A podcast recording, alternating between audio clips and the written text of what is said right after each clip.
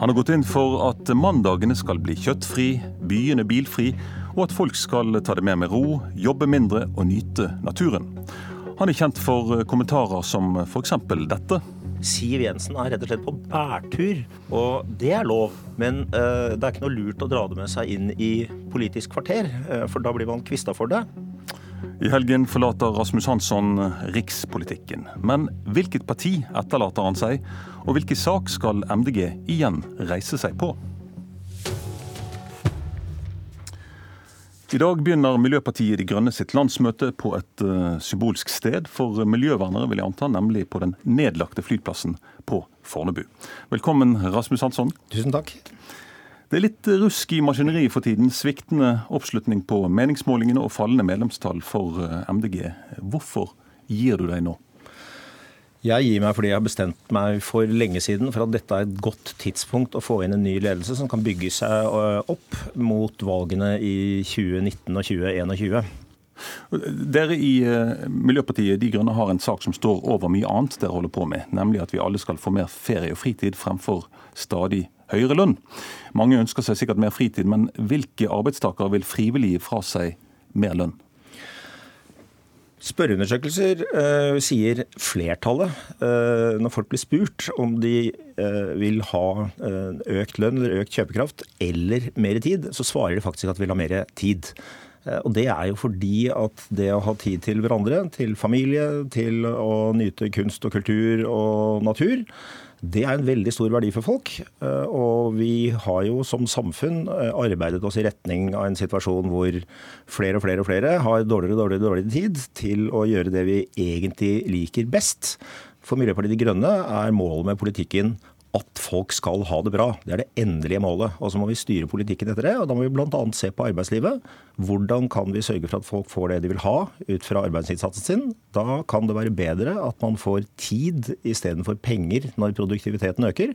Dessuten kan det brukes til å dele mer på arbeidet, gjøre arbeidslivet mer inkluderende, så færre faller utenfor. Som jo er et veldig viktig mål også for Miljøpartiet De Grønne. Bare for å ta en liten realitetsorientering. Her skal du få høre et lite knippe av forbundslederne under årets eh, lønnsoppgjør. Eh, vi har fremmet krav for våre medlemmer knytta til lønn. Som gjør at eh, de ikke blir hengende etter. Vi har tapt tilsvarende to lønnsoppgjør de siste ti årene. Det syns jeg er skuffende og provoserende, og jeg blir litt oppgitt av det. De forbundslederne vi hørte her, de representerer én million eh, arbeidstakere i Norge. Og alle vil ha mer. Eh, hvordan skal dere overbevise disse om å legge lønnskrav på hyllen? For det første er det jo sånn at Selv eh, i LO, f.eks. i Fagforbundet, som er et svært forbund, og i store deler av politikken, så er jo folk enige om eh, eh tilsvarende ting som det Miljøpartiet De Grønne sier, nemlig at tid eh, er mer verdifullt enn penger for veldig mange. Og mange ser for seg forskjellige modeller hvor folk kan arbeide mindre og få mer tid. Så sitter jo alle enkeltforbund fast i en, eh, en vanlig kvern, som er den at målet med årets lønnsforhandlinger er eh, å få mer til sine medlemmer. Og for noen medlemmers vedkommende, de lavtlønte store gruppene, lærere, sykepleiere osv., så, videre, så er det klart at der trengs det lønnsutjevning. Det mener Miljøpartiet De Grønne også. Men som helhet eh, så er det altså politisk rom, eh, et veldig interessant politisk rom, for å sette som et eh, mål fram mot stortingsvalget i 2021 at vi nå får en ny arbeidstidsreform som Miljøpartiet, etter Miljøpartiet De Grønnes mening bør bestå av at man får tid istedenfor økt kjøpekraft ut av produktivitetsøkningen sin.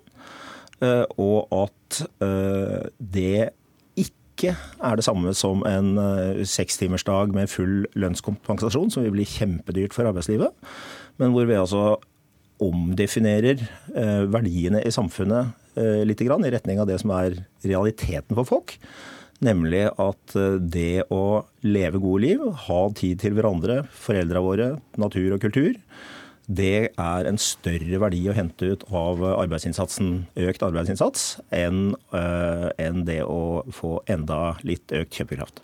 Vi skal komme tilbake til dette med det politiske rommet, som du sier. Men først realitetene i, i det norske samfunnet. Altså, vi står overfor en eldrebølge som er uh, i full gang. altså Generasjonen etter andre verdenskrig, som, som var en stor generasjon, de er nå blitt, blir pensjonister.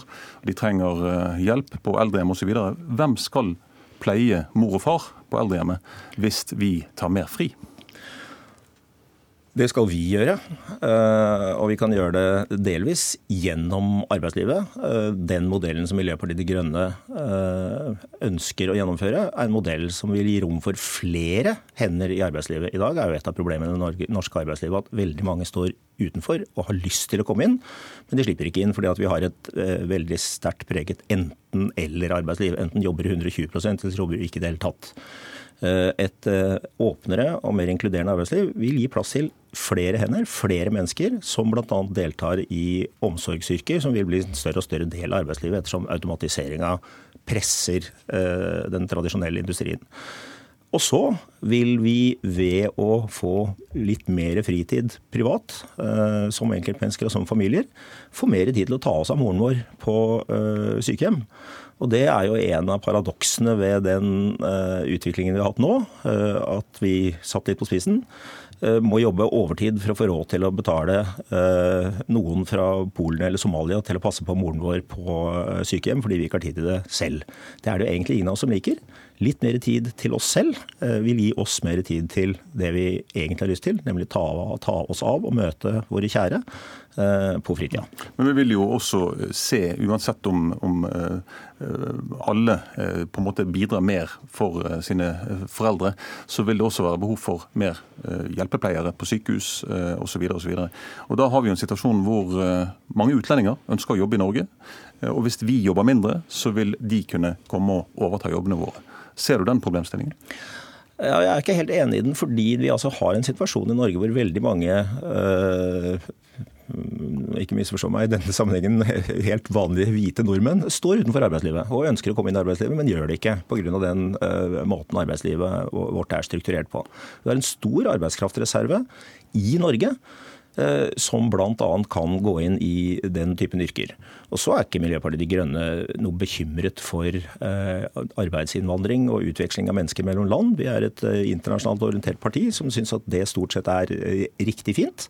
Eh, og som eh, er en situasjon som vi i Norge har håndtert veldig, vi har fått masse, eh, veldig bra. Vi har fått masse uh, nye arbeidstakere i Norge de siste 20-30 åra. Og det har stort sett gått aldeles strålende. Og det er ingen grunn til å tro at vi ikke skal kunne håndtere en sånn situasjon i framtida også. Nå har jo nordmenn blant Europas korteste arbeidstid. 7,5 uh, time dagen i fem dager i uken. Hvorfor skal vi kreve enda kortere arbeidstid enn andre europeiske land? Ja, Der er jo altså eh, realiteten at som befolkning så har vi ikke eh, den korteste arbeidstiden i Europa. Vi har, eh, er blant de befolkningsgruppene som i gjennomsnitt arbeider mest. Og det er fordi at i Norge arbeider både kvinner og menn i mye større grad enn i de fleste andre land. Og totalen blir at som befolkning og som familier så arbeider vi mye. Eh, og som befolkning og familier så har vi lite fritid sammenlignet med, med, land hvor den typiske situasjonen i større grad er at mannen er på jobb, mens kona er hjemme og gjør hele den sosiale jobben som ikke kommer inn i det norske eh, regnskapet. Så vi har som befolkning god anledning til å gi oss sjøl litt mer fritid eh, privat. Det er også en type produksjon. Det er en veldig stor samfunnsverdi. Det er meningsløst å bare regne på pengedelen og BNP-delen og kjøpekraftdelen av det regnskapet. Det regnskapet vi må se på, er livskvalitetsregnskapet. Hva er det som gjør at vi har det bra? Og det som gjør at vi har det bra, er at vi har nok inntekt, har nok kjøpekraft, men også har nok fritid til å ta oss av hele den delen av livet som er eh, utafor arbeidslivet, og som er veldig viktig. Så er det jo den siden ved dette her, nemlig hvem som skal betale. Eh, MDG dere vil jo redusere arbeidstiden uten å få kompensert for eh, dette lønnsmessig, altså at vi reelt sett går ned i lønn. Mens de andre partiene som er for arbeidstidsreduksjon, de mener at vi skal øke lønnen fortsatt. Hvordan, hvordan, vurderer du det politiske rommet som vi snakket om i sted? For det første må jeg presisere at uh, vår modell går ikke ut på at folk skal gå ned i lønn. Vår modell går ut på at folks lønn ikke skal øke. Uh, altså over uh, Og dette er en modell som vil måtte innføres over lang tid. Og vel å merke gjennom samarbeid med partene i arbeidslivet hvor altså den framtidige lønnsveksten den vil tas ut som tid istedenfor penger. Og Så må vi innenfor den eh, ramma også uh, uh, jevne ut lønnsforskjeller, som sagt.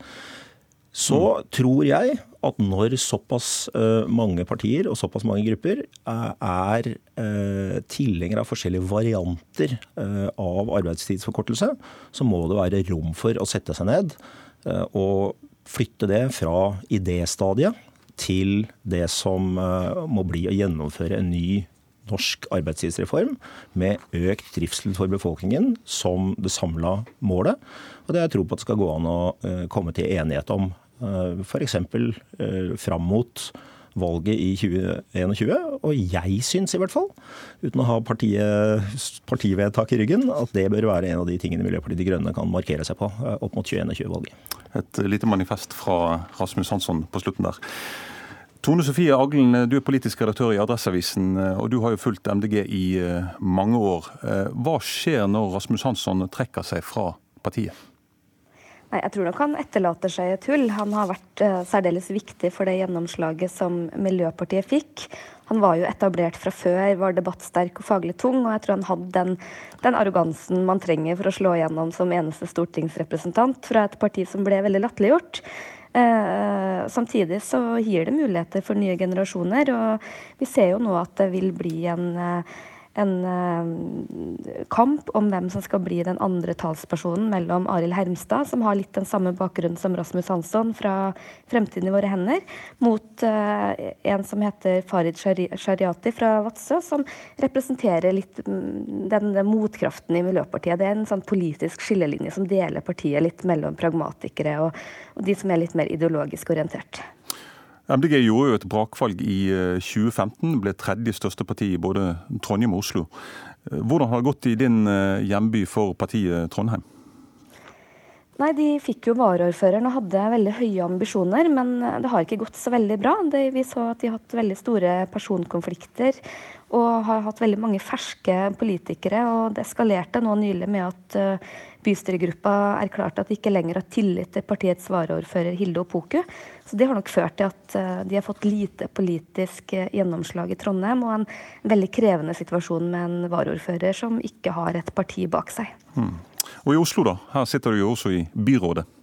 Ja, det er en veldig annerledes situasjon. Eh, vi ser at Miljøpartiet med Lan Marie Berg har fått, uh, blitt en veldig tydelig stemme i bystyret. Og hun har jo også blitt et uh, nasjonalt symbol på bilfrie byer, elsykler, sykkelveier, hønsehold i byen og veldig mye av det som mange forbinder med Miljøpartiet. Og det tror jeg Miljøpartiet i Oslo tjener veldig på, samtidig som hun også møter veldig mye motstand. Hun provoserer mange og får også mye hets. Så det er nok en krevende situasjon for henne å stå i, men jeg tror at det er bra for partiet å få så mye oppmerksomhet.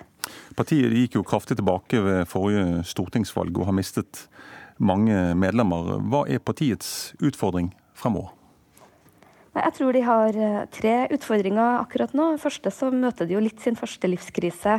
Når alle pilene pekte oppover, så trakk de til seg veldig mange forskjellige folk, både fra og utenfor politikken, og nå som den litt grå hverdagen er innhenta av partiet, så er det mye gnisninger og utmeldelser.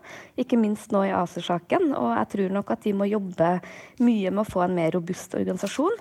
Så tror jeg at de må håndtere de ulike fløyene i partiet på en god måte slik at det ikke blir destruktivt. Og ikke minst så sliter de med oppmerksomheten.